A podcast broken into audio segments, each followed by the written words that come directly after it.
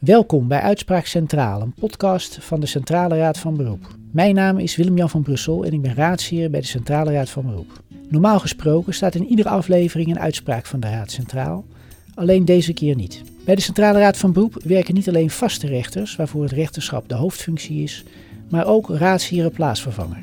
Voor deze raadsheren plaatsvervanger is het raadsheerschap bij de Centrale Raad van Beroep niet de hoofdfunctie, maar een nevenfunctie.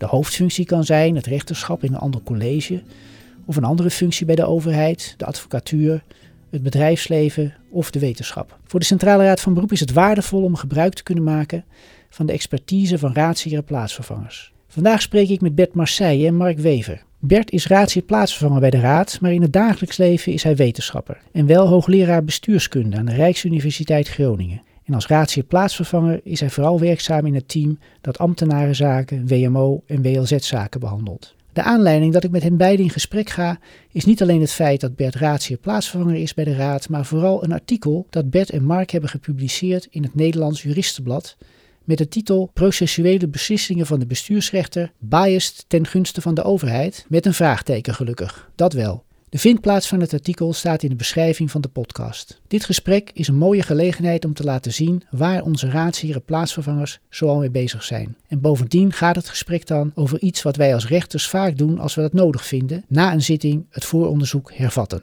Mark Wevers is net als Bert verbonden aan de Rijksuniversiteit Groningen en wel als universitair docent bij de vakgroep Staatsrecht, Bestuursrecht en Bestuurskunde. Welkom Bert en Mark. Jullie artikel gaat over het hervatten van het vooronderzoek, een processuele beslissing die meer ten gunste van de ene partij dan van de andere partij kan uitvallen. Maar eerst nog even is het misschien goed om te weten, hervatten van het vooronderzoek, hoe moet ik dat precies plaatsen in de procedure? Ja, nou in de eerste plaats heel leuk dat we hier uh, zijn, um, uh, vanwege dat artikel ook. Um, ja, we hebben ernaar gekeken en, en de, juridische context is eigenlijk dat uh, ja, als je een zaak bij de rechter aanbrengt, bij de bestuursrechter, dan gaat hij er naar kijken, dan organiseert hij een zitting. En in veel gevallen zal uh, de rechter na de zitting denken van ik kan wel uitspraak doen. Maar het komt ook voor dat, dat hij of zij denkt van nou, er zijn nog een aantal losse eindjes en dan heeft hij de bevoegdheid, discretionaire bevoegdheid van de rechter om te zeggen van ik ga het vooronderzoek hervatten. Ik kan dat ter zitting zeggen, ik ga het schorsen en dan uh, gaan we uh, verder met het vooronderzoek. Hij kan ook na de zitting denken van ja, ik, ik, mis nog gegevens of ik wil een partij nog in de gelegenheid stellen zijn standpunt nader te onderbouwen. Ik wil misschien een deskundige benoemen. Um, en dan wordt het uh, vooronderzoek heropend. Nou, het gebeurt ongeveer, ja, uh, voor zover wij kunnen waarnemen, 8% van de zaken, 1 op de 12 zittingen, eindigt niet met de uh, uitspraak van ik ga uitspraak doen. Uh, maar met de beslissing om het uh, vooronderzoek te hervatten. En dan is het natuurlijk interessant, en daar gaat het artikel ook over, van wat gebeurt er dan? Ja, want in de inleiding van jullie artikel schrijven jullie dat je, jullie vooronderstelling was dat de rechter deze beslissing vaker neemt ten gunste van het bestuursorgaan, de overheid, dan ten gunste van de burger. En wellicht zelfs dat er sprake is van een bias ten opzichte van het bestuursorgaan. Uh, waar komen die veronderstellingen vandaan? Wat was de aanleiding voor jullie onderzoek? Nou, in eerste plaats uh, is er een tijdje geleden een proefschrift van uh, André Verburg verschenen. Die eigenlijk heel mooi uiteenzet waarom hij denkt dat er misschien sprake is van een, nou ja, vooringenomenheid misschien. Maar in ieder geval van een tendens waardoor bestuursrechters vaker het onderzoek hervatten of bewijsmogelijkheden bieden aan uh, de overheid en niet aan de burger. En hij zegt met name dat het komt, nou ja, ook omdat de bestuursrechter daartoe verplicht is. Als hij iets constateert, er is een gebrek, dat kan hersteld worden, dan moet je die mogelijkheid bieden, een bestuurlijke lus of informele bestuurlijke lus.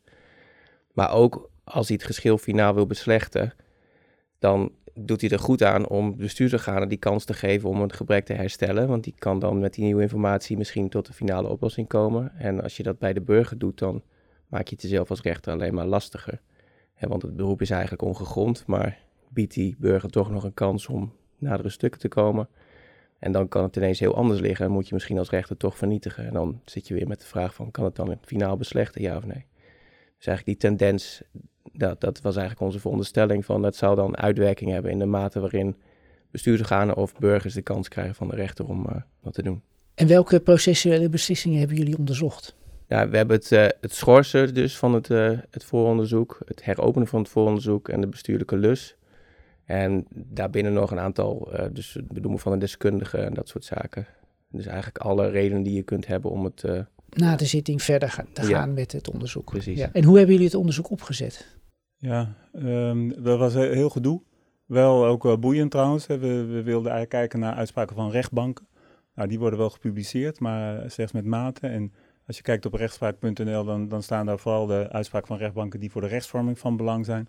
Wij waren geïnteresseerd eigenlijk een beetje in een soort representatieve dwarsdoorsnede van uitspraken. Dus die konden we alleen krijgen door bij de Raad eh, voor de Rechtspraak een verzoek te doen om eh, dat te mogen inzien. Daar is men eh, eh, eh, heel welwillend mee omgegaan. En na een aantal maanden kregen we dan bericht, eh, jullie mogen een, eh, een laptop eh, eh, eh, lenen van de rechtbank Noord-Nederland. En dan in het systeem eh, kijken naar uitspraken. Dus we hebben toen voor een bepaalde periode eigenlijk eh, alle uitspraken, voor twee maanden in 2020 hebben we eigenlijk alle uitspraken van rechtbanken, eh, eh, zaken in eerste aanleg, hebben we gewoon gekeken bij het procesverloop of daaruit bleek dat, eh, dat het vooronderzoek was eh hervat. Dus we hebben heel veel uitspraken Dus je hebt al die uitspraken, hoeveel Doorgenomen. Waren, hoeveel waren het er? ja, gelezen niet, maar Nee. doorgenomen. Ja. Om te kijken of ze geschikt waren voor ons onderzoek. En daar hebben we een selectie uitgemaakt. En die selectie hebben we vergeleken met een andere selectie, namelijk van vergelijkbare uitspraken, maar waar dan het vooronderzoek niet was hervat. Dus dat we ook iets konden zeggen over wat is nou het effect en wat zijn factoren die van belang zijn eh, voor de rechter om het vooronderzoek eh, te hervatten. Dus eigenlijk, eigenlijk een dataverzameling zeg je dan, gegevensverzameling van met, eh, twee, twee bestanddelen, eh, gewone uitspraken zonder hervatting en een eh, bestand uitspraken met hervatting. En je, je zei al van eh, het waren uitspraken van rechtbanken. En op welk gebied? Eigenlijk alles. Alles. Alles. Dus hele bestuursrecht. Ja, betaal- bepaalde gebieden zijn natuurlijk vooral in onze steekproef over het heropenen wel oververtegenwoordigd. Omdat het in een groot deel van de gevallen bijvoorbeeld gaat om arbeidsongeschiktheidszaken. Dus daar heb je er relatief veel van, eh, gezien het aanbod wat er misschien is. Maar we hebben geen zaken niet bekeken, eh, omdat het over een bepaald rechtsgebied zou gaan. Eh, ja, wat we heel vaak doen met dit soort type onderzoek is dat we belastingrecht en, eh, en vreemdelingenrecht buiten beschouwing laten. Dat heeft ook meer een onderzoeks, nou ja, economische reden, omdat het ontzettend veel uitspraken zijn met heel weinig eh, nou ja, relevantie vaak voor wat wij eh, interessant vinden. Ja, en deels ook ander procesrecht. Dus om, om het een, een beetje overzichtelijk te houden, hebben we die twee eh, gebieden. Die buiten uitgelicht. gelaten. En verder het bestuursrecht in zijn geheel. Ja. ja. Dus dat loopt van arbeidsongeschiktheidszaken tot omgevingsrechtszaken. En, Zeker. ja. Wat vonden jullie als redenen om het vooronderzoek te hervatten? Jullie noemen er een paar in jullie artikel. Wat zijn die redenen voor de rechter om dat te doen? Nou ja, hij is daar niet zo heel expliciet over. Eh, dus we hebben zelf al die uitspraken gekeken en zelf bedacht van nou, wat zijn nou categorieën die een beetje de lading dekken. En wat we heel vaak zagen was dat de rechter nog input nodig heeft voor oordeelsvorming. En dat hij iets nodig heeft om, om goede beslissing te kunnen nemen. Ehm, soms nou, noemen we in ons artikel dan equality of arms. En dat is als een, een van de partijen in een laat stadium nog met een stuk komt. En dan moet die andere partij erop reageren. Dan biedt de rechter die kans. Dan wil hij dat misschien zelf, misschien niet. Maar dat hoort dan zo. Ehm, en nog de overige categorie is heel veel kleine redenen. Dus nou ja, wraking en verwijzen naar een eh, meervoudige kamer en dat soort zaken. En vergeet er één. Ja, dat is op zich wel een interessante categorie, maar qua onderzoek heel moeilijk. De, dat is als de rechter zegt van nou, op de zitting van m- misschien dat er wel een schikking in zit, of dat jullie als partijen nader tot elkaar kunnen komen. En dan wordt het eh, vooronderzoek heropend, dan, dan maakt de rechter even pas op de plaats.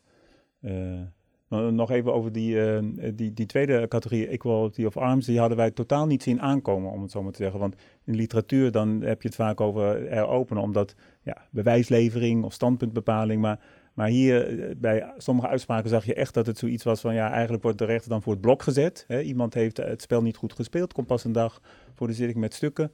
En dan kan je als rechter natuurlijk zeggen van ja, sorry, eh, je weet hoe de regels zijn. Artikel 858, et cetera, et cetera. Maar dan zegt hij toch van nou ja, Dat gebeurt er zo heet, wordt, eh, zo scherp wordt het niet gespeeld Nee, dan? Nee, nee, nee. nee, nee, nee, dat herken ik ook wel, ja. ja. Eh, wat, wat vonden jullie over die afzonderlijke redenen, als we nu even kijken naar de equality of arms? Zal, ik de twee onbelangrijke vertellen? Dan mag jij de belangrijkste vertellen. Nou, die equality of arms, dat dat is heel moeilijk te onderzoeken. Want wij waren wel geïnteresseerd ja, ten bate van wie gebeurt dat nou het vaakst. Maar dat is eigenlijk heel moeilijk te zeggen, omdat... eh, kijk, uit die uitspraken blijkt natuurlijk niet eh, de situaties dat, dat een partij dat wel graag wil. Maar de rechter zegt, nee, we doen het niet. Eh, dus dus daar kan je eigenlijk niet heel veel meer zeggen dan dat het vaker gebeurt ten, ten bate van de burger. Dus dat zou de veronderstelling rechtvaardigen dat die het spel vaak wa- wa- wat minder precies speelt dan het bestuursorgaan. Maar daar zijn we heel vo- voorzichtig. Die tweede categorie, dat is dus dat de rechter het vooronderzoek hervat om partijen de gelegenheid te geven om te kijken of ze er zelf uit kunnen komen. Uh, en wat daar onderzoeksmatig frustrerend is, is dat als dat succes heeft, ja, dan zie je daar niks van terug in de uitspraak, want er wordt het beroep ingetrokken. Dus we konden wel, uh, we hebben wel gezien dat het in, in, in substantieel aantal gevallen gebeurt. Maar hoe succesvol dat is, dat weet je niet, omdat de uitspraak dan eigenlijk niet een goede indicator is voor, voor het succes. Dus daarom is die derde grootste categorie, waar Mark iets over gaat vertellen, is, is eigenlijk het interessantst. Ja, ja, ja, die derde categorie, dus input voor oordeelsvorming, is onder meer het toepassen van de bestuurlijke lus. Dat is natuurlijk altijd ten bate van het bestuursorgaan. Dat waren ook best een aantal zaken. Um, en schorsen openen was ook vrij vaak, nou ja, ik, verhouding ken ik niet precies, maar wel een stuk vaker ten bate van uh, het bestuursorgaan. Um, ja, en eigenlijk binnen die grote categorie input oordeelsvorming uh, ja, zie je eigenlijk een verdeling tussen bestuurlijke lus, uh, en heropenen is eigenlijk een derde elk ongeveer. Maar dus wel vaker ten bate van uh, bestuur. Ja, dan heb je nog subcategorieën benoemen van deskundigen. Ja, precies. Ja, benoemen van deskundigen, dat is dan niet heel vaak, maar dat hadden wij dan nou ja, gewoon geoordeeld dat dat dan ten bate is van de burger. Maar getalsmatig was dat niet, uh, nou ja, niet heel veel zaken, 16 uit mijn hoofd. Ja, precies. Maar je ziet daar wel dat dat voor de burger uh, nou ja, wat oplevert. Ja, dat concluderen we ook. Eh, dat het met name de, de deskundige is die in, in een vrij groot uh, gedeelte van de gevallen uh, leidt tot een goede uitkomst voor, uh, voor de burger. Um, en die andere gevallen, nou ja, bijvoorbeeld dat hij nog de kans krijgt om een nader stuk in te dienen of beter rond te bouwen van bepaalde beroepsgronden, dat eigenlijk bijna nooit wat oplevert. Wat, wat, mij ook nog opviel is dat het inschakelen van een deskundige, dat dan de burger eigenlijk altijd wel rechtsbijstand heeft. Ja. En dat het eigenlijk een burger zonder rechtsbijstand niet lukt om de rechter te bewegen een deskundige in te schakelen. Nee, dat, dat viel ons ook op. En, en je zou kunnen zeggen, in theorie moet dat niet uitmaken. de zaak wordt ter zitting besproken, de rechter heeft het dossier bestudeerd. Maar op een of andere manier, en het zou ook interessant zijn om daar nog, wat verder naar te kijken. Uh, maar op een of andere manier helpt het dan, of dat is dan de veronderstelling, want het gaat om kleine aantallen, maar ik zou wel de, de, de stelling aandurven dat, dat, uh, nou ja, dat je voorzien bent van rechtsbijstand. Dat dat de kans groter maakt dat als jij betoogt dat de rechter een deskundige moet benoemen, dat dat ook uh, inderdaad gebeurt. Ja. ja, het effect van het hervatten van het vooronderzoek op de uitkomst van de zaak, ja, dat heb je min, eigenlijk al wel aangegeven, min of meer. Het bestuurorgaan komt er daar beter af dan de burger. Ja, nou ja, kijk, de verhouding waarin burgers succes boeken tegen bestuursorgaan is natuurlijk altijd al uh, ten voordele van het bestuursorgaan. Dus in dat opzicht is het ook niet vreemd dat het dit, dit soort zaken ook zo is. Uh, wat we wel misschien zouden verwachten is dat als een burger dan de kans wordt geboden om uh, een nader stuk te komen of wat dan ook voor mogelijkheid krijgt van de rechter om zijn zaak nou, sterker te maken, dat je, je zou denken dat leidt dan ook vaker tot succes. En dat, dat blijkt dan niet zo heel vaak zo te zijn, met uitzondering dus van die categorie waar we net over hadden, dat als er een deskundige wordt benoemd, dat dat dan wel vaak zo is. Dat, dat resultaat sloot ook aan bij bij, bij onderzoek uh, wat eerder wel is gedaan. En um, een jaar of tien geleden hebben een aantal rechtbanken experimenten gehouden. waarin ze zaken heel snel op een comparitie behandelden. En dan heel vaak zeiden van, nou ja, wat, wat, wat zijn er nou nog voor losse eindjes? En dan werd dan de, de, de, zaak aangehouden. En een van de partijen kreeg dan ook de gelegenheid om nader bewijs te leveren. En toen hebben we onderzocht van hoe vaak. Uh, als de burger uh, die kans kreeg, hoe vaak hem het dan lukte om, om de rechter aan zijn kant te krijgen, om het zo maar te zeggen. Nou, Volgens mij hadden we toen in dat onderzoek 70 gevallen dat uh, de burger uh, naar de bewijs kon leveren en 69 maakte het niks uit. Uh, leverde dat bewijs niks op. En wat, wat, wat mij ons ook wel is verteld, is dat veel rechters natuurlijk ook een inschatting maken. Hè? Als iemand zegt, ik heb nog wel een stuk liggen en ik kan nog wel iemand raadplegen, dat je natuurlijk als rechter ook met de, die partij de, het gesprek aangaat. Ja, wat, wat is dat dan precies? Wat gaat het worden? En, ja, en wat, ja, wat gaat het worden? En is het verstandig om te doen? En wat is die inschatting? En dat ons overal beeld is dat in zekere zin het bestuursorgaan op, op dat punt strategischer weet te opereren. Hè, dus het, het is strategisch in de neutrale zin van het woord, maar ook beter zijn kansen weet te benutten dan, uh, dan burgers. En dat zou ook deels een verklaring kunnen zijn, maar dat zijn allemaal veronderstellingen. Het, je zou kunnen zeggen, ons onderzoek is ook exploratief in zekere zin. Eerst eens kijken van wat, hoe liggen die cijfers, uh, maar dat, dat zou een aanwijzing kunnen zijn dat de rechters daardoor misschien sneller uh, denken van nou, het kan wel verschil maken als we het bestuursorgaan die gelegenheid geven. En bij ja, een verzoek van een burger denken van ja, maar het is eigenlijk zo slecht onderbouwd of de kans is zo weinig dat het behalve nou ja, vertraging iets gaat opleveren. We doen het niet. Ja, je hebt soms natuurlijk ook, wil je tot zeg maar, definitieve geschilbeslechting komen, dan ben je als rechter gedwongen ook je weer tot het bestuursorgaan te wenden. Ja, ja, precies wat jij zei. En wat, wat ook, eh, vind ik heel mooi in het uh, proefschrift van André Verburg staat. En dat er eigenlijk een spanning is tussen de uh, gelijke kansen bieden aan partijen en, en de, de drang om al die geschillen zoveel mogelijk finaal te beslechten. Ja, daar komen we zo nog op, want daar hebben jullie nog ook een aardige aanbeveling over. Jullie hebben ook nog twee andere effecten van het hervatten van het vooronderzoek geanalyseerd. Het effect op de tijdigheid en het effect op de uh, finale, finaliteit. Finaliteit is dan de mate waarin de bestuursrechter een definitief oordeel over een geschil geeft. Wat, was, wat waren jullie bevindingen daar? Nou, ik, ik zeg wel even wat over die tijdigheid. Dat was, uh, nou, wil ik niet noemen, maar het, levert een substantiële vertraging op uh, als, het, uh, als de zaak niet loopt zoals gebruikelijk is. Hè? Want het vooronderzoek wordt maar in een 8% van de gevallen geschorst of uh, heropend. En nou ja, dan heb je het echt wel over bijna een jaar vertraging. Dat er uiteindelijk een uitspraak ligt waar partijen dan mee verder kunnen. En dus ja, dat, dat speelde vooral ook met als het gaat over de, het benoemen van deskundigen. dus voor de burger meest effectieve instrument, om het zo te zeggen dat is, gelijk is ook, zelfs 66 weken. Ja, 66 weken. Dus dat is gigantisch. Ja. Dat is bijna het dubbele van wat het gebruikelijke de doorlooptijd van een zaak is. En dat is dan nog na de, na de zitting. Ja, dus precies. Is al ja. de zitting ook al een hele tijd verstreken. Precies. We, we hebben ook wel een beetje geprobeerd te kijken waar, ja, waar ligt dat dan aan? Of hoe, hoe kan het dan 66 weken duren? Want dat is natuurlijk toch wel ontzettend lang. En um, ja, het bleek eigenlijk dat die tijd gelijkelijk is verdeeld uh, tussen uh, nou ja, de start hè, van, van de heropening en het moment dat dat deskundige rapport er is. Dat duurt dus heel erg lang. Uh, maar ook, en, en dat, dat eerste aspect heeft de rechter misschien net iets minder invloed op. Hè, want je hebt deskundige benoemd en dan ja, ben je ook afhankelijk van wanneer die met zijn rapport komt. maar we vonden wel opvallend dat het daarna ook nog heel erg lang duurt hè, dus dat, dat, dat, de tweede, dat tweede helft dus ook meer dan 30 weken. En dat is dan eigenlijk de onderlinge discussie tussen partijen. En soms nog een zitting, maar niet eens zo heel erg vaak. Maar vooral de, standpunt, de nadere standpuntwisseling uh, tussen partijen, dat dat heel veel tijd in beslag neemt. En de effecten op de finaliteit, wat, vond, wat vonden jullie daar? Ja, daar, uh, dat is een vrij complexe paragraaf in het stuk. eigenlijk, ja, het komt erop neer dat het effect op finaliteit is niet, is niet ontzettend groot. Het wordt in ongeveer twee derde van de gevallen finaal beslecht in de gewone zaken. Dus waar het allemaal uh, zonder heropening en dat soort dingen gaat. En ook in bijna de gelijke mate in de gevallen waarin uh, het onderzoek wordt heropend of uh, en al die andere bevoegdheden in het kader van het vooronderzoek worden benut. Um, dat heeft er met name mee te maken dat um, als bestuursraad de kans wordt geboden, hè, dus om nou ja, de standpunt te bepalen of dat soort dingen, dan draagt dat per definitie bij een definitieve beslechting van het geschil dus dan zou je ook niet verwachten dat dat heel erg zou afwijken. Wellicht dat het nog wat hoger zou zijn. Maar dat percentage zou natuurlijk uh, omlaag kunnen worden getrokken als de burger heel vaak erin slaagt om de rechter ervan te overtuigen van ja, dat besluit moet van tafel. Uh, maar dat gebeurt dus eigenlijk vrij weinig. Uh, dus in heel veel gevallen verandert er niks eh, aan nou ja, wat eigenlijk het uitgangspunt was voordat het werd heropend. Bijvoorbeeld van nou, het beroep is ongegrond. Dat blijft dan vaak nadat die mogelijkheid is benut. Uh, ook zo. Dus dan, ja, dan verandert er niet zoveel in de mate van finale geschilbeslechting. Want ja, ongegrond is ook finale geschilbeslechting. Exact, ja. ja, ja.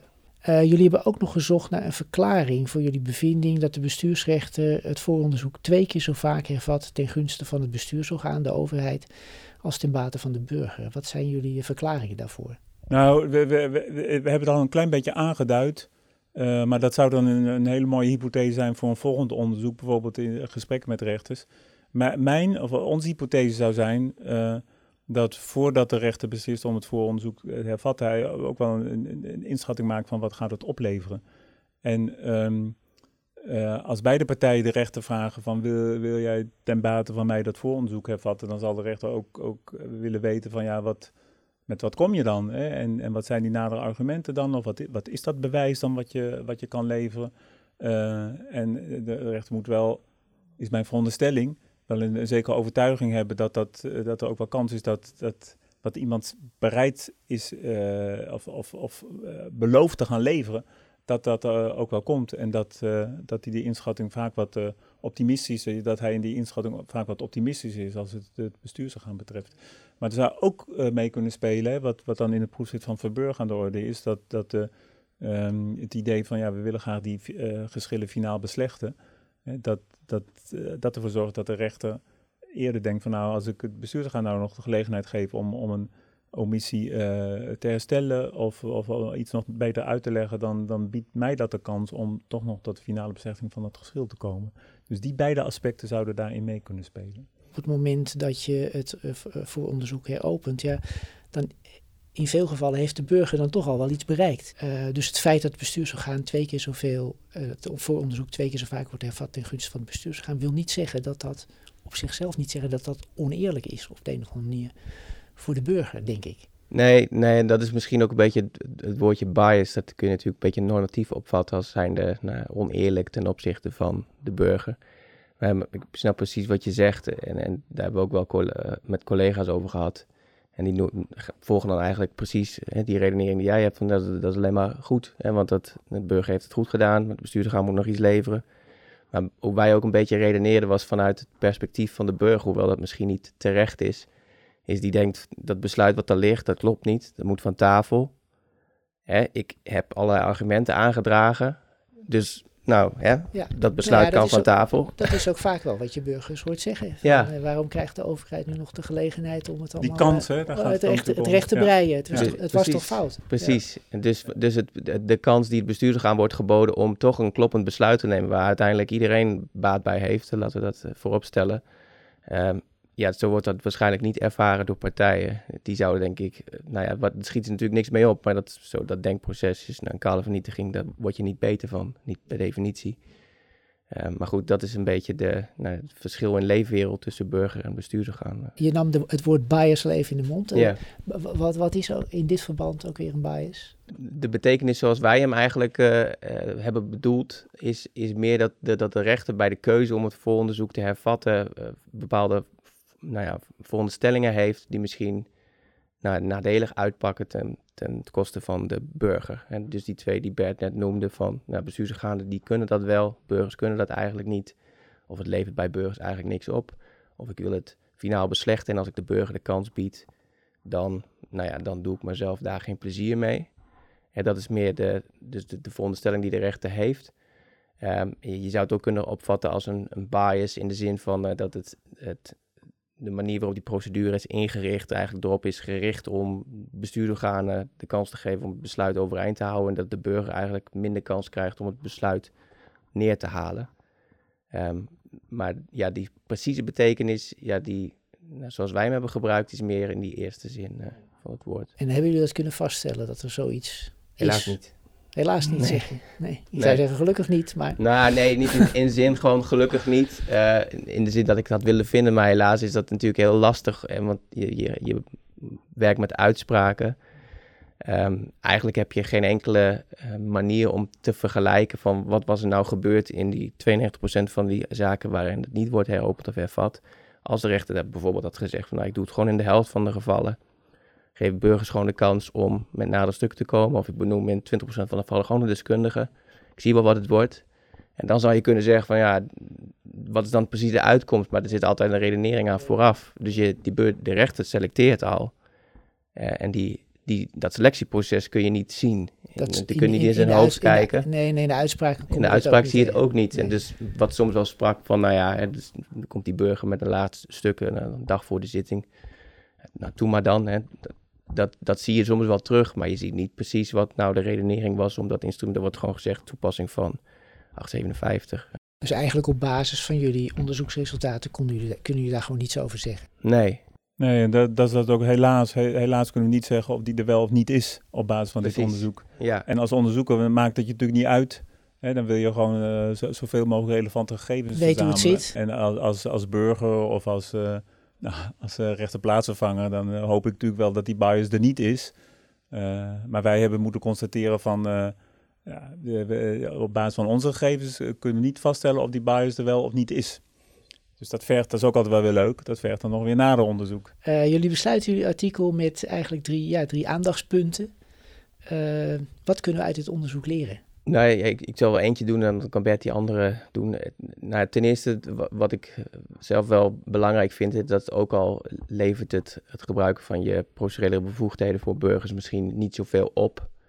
Als er sprake is van een hele scheve verhouding waarin die bevoegdheden worden aangewend ten bate van het bestuurder gaan, tenminste zoals dat wordt opgevat, of ten bate van de burger, dan kun je misschien toch wel afvragen of er misschien toch iets meer evenwicht in aangebracht zou kunnen worden. Bijvoorbeeld vanuit het oogpunt van nou, procedurele rechtvaardigheid. Hè, dus de, de ervaringen van burgers of gebruikers van geschilbeslechtingsprocedures die eraan bijdragen dat ze nou, zich kunnen vinden in de uitkomst of meer vertrouwen hebben in de rechtspraak en al dat soort dingen. En dat kan natuurlijk op zichzelf gezien nooit het doel zijn van het inzetten van die bevoegdheden. Maar het kan misschien wel een rol spelen om meer in het algemeen na te denken van nou, hoe, hoe wenden we die bevoegdheden aan en hoe selectief zijn we daarin. Zorgen dat daar wat meer evenwicht in komt. Ja, het zou kunnen. Het is niet, ik vond het niet schokbarend scheef of dat soort, dat het echt schandalig is. We hebben ook wel ander onderzoek gedaan en dat in 98% van de gevallen, nou, dan denk je van nou, dat kan bijna niet. Maar in dit geval zou ik dat niet direct zeggen, dat het zo scheef is. Maar goed, je zou je wel kunnen, en helemaal wat we ook net, eh, het net over hadden, hoe het over de, op die burger overkomt. ja, dat werkt wel door in allerlei dingen. In, al, allerlei, hoe hij over de rechtspraak denkt en hoe hij over zijn, dat geschil terugkijkt. En misschien of hij wel een hoger beroep gaat, ja of nee. Dus dat is wel van belang om uh, over na te denken. Ja, heel, kort in aanvulling op het eerste punt, dan nog iets over die twee, uh, derde punt. Want je zou natuurlijk ook kunnen zeggen, er wordt vaak gezegd, er is wel een bestuurlijke lus, maar er is geen burgerlus. Nou, ik zou zeggen, die is er natuurlijk wel. want uh, ja, je hebt dan de formele bestuurlijke lus en je hebt ook de informele bestuurlijke lus. Uh, en daartegenover staat ook de informele burgerlus. Hè. Als het vooronderzoek wordt geopend om de burger de kans te geven met nader bewijs te komen, dan, dan zou ik wel durven kwalificeren als een informele burgerlus. En die wordt uh, in substantieel aantal gevallen door de bestuursrechter gebruikt. Dat tweede het tweede punt, dat is eigenlijk de discussie over finaliteit. En ik vind dat uh, door het proefschrift van André Verbeurt, dat die wel uh, ervoor heeft gezorgd dat die discussie in zekere zin is verrijkt. Omdat we in de bestuursraad wel een aantal jaren hebben gezegd, we moeten vol inzetten op finaliteit. Maar hij laat ook, ook wel de keerzijde daarvan zien. En wij vinden het zelf, en ons onderzoek is wat ons betreft ook wel een bevestiging van hij laat ook wel zien dat, eh, eh, dat er allerlei belangen spelen en dat er soms ook wel belangen zijn die, die tegen het, de poging om, om, kost wat het kost, tot een finale beslechting van het geschil te komen, pleiten. Dus, Want het voordeel kan zijn, als je niet finaal beslecht, dan zou voor de burger wel eens nog iets meer uit kunnen komen dan de rechter vaststelt. Uh, mij staat heel erg bij, dat, dat gaat er niet over sociale zekerheidsrecht, maar over, over ruimtelijke procedures. Hè. Daar heb je altijd een vergunning Daar heb je eerder onderzoek naar En een derde. Ja. Uh, en voor die derde is het soms eigenlijk heel, heel gunstig als dat besluit wel wordt vernietigd, maar uh, de, de, rechter niet zelf in de zaak voorziet, omdat ja, dan begint de besluitvorming weer en dan is het speelveld misschien anders en dan kan de uh, vergunninghouder denken van nou, ik ga mijn plan aanpassen of ik uh, zie ervan af of uh, de overheid kan er anders in staan. Die, advocaat zei, als ik een, derde partij bijsta en, en het besluit wordt vernietigd, vind ik natuurlijk fijn, hè, want dan heb ik gewonnen. Maar ik vind het nog fijner als het dan bij een kale vernietiging blijft, omdat dat mij in het vervolg van die procedure, of mijn cliënt, meer mogelijkheden biedt om te kijken van hoe gaan we dan verder. De, de, dus dat is het tweede punt. En het, en het derde punt, wat wij dus hebben gezien, dat, dat een interventie van de rechter die burgers heel erg kan helpen, dat is het benoemen van een deskundige. Dus je zou kunnen zeggen, wij hadden ook, uh, nou ik denk bijna heel bestuursrechtelijk Nederland, ja, uh, zes jaar geleden verwacht dat de Corsec-jurisprudentie van, de, uh, van het ERM ook wel het verschil zou gaan maken, dat er veel meer deskundigen zouden worden benoemd. Dat is niet gebeurd. Um, ja, ik zou, de, ik zou het heel mooi vinden als dat eh, wel vaker gebeurt. Maar we hebben ook laten zien van dat er wel een hele grote maar is. En dat is de enorme uh, tijd duur, ja. die dat kost. Hè. Je kan wel tegen iemand zeggen van, nou, we, we zitten nu juli 2022. Als ik nu het vooronderzoek ga heropenen, dan is het ergens september volgend jaar dat we die procedure pas kunnen afronden. En, en eigenlijk zouden denk ik, alle betrokkenen, misschien ook de, de, de, de organisaties waar die deskundigen uitgerecruiteerd worden. Uh, en, en de advocatuur en, en, en, jullie hè, als, als hoogste rechter in sociale zekerheidszaken, waar die deskundigen het meeste worden benoemd. Ja, zou het heel mooi zijn om eens na te denken, hoe zou het nou echt niet mogelijk zijn om van die 66 weken bijvoorbeeld 26 weken te maken, of misschien wel 16. want uh, dan, ik weet niet precies hoe het werkt bij echte raadsheren. Maar ik kan me heel goed voorstellen dat, uh, eh, dat als je voor de vraag staat van eh, ga ik wel of geen deskundige benoemen, dat, dat de wetenschap dat het lang gaat duren ook een factor is van betekenis eh, bij de keuze om dat wel of niet te doen. Dus we hebben aan het eind van ons artikel doen we ook een aantal suggesties hoe, hoe daarna gekeken zou kunnen worden. Dank jullie wel zeer voor dit mooie gesprek. Dit was Uitspraak Centraal voor deze maand. Over twee maanden een nieuwe aflevering met een nieuwe gast en dan wel een nieuwe uitspraak. De productie van de podcast wordt verzorgd door Mariska van der Veen en de muziek is van Bert Weijers. Heb je vragen of opmerkingen? Laat het ons weten via Twitter, Facebook of LinkedIn. Tot de volgende keer.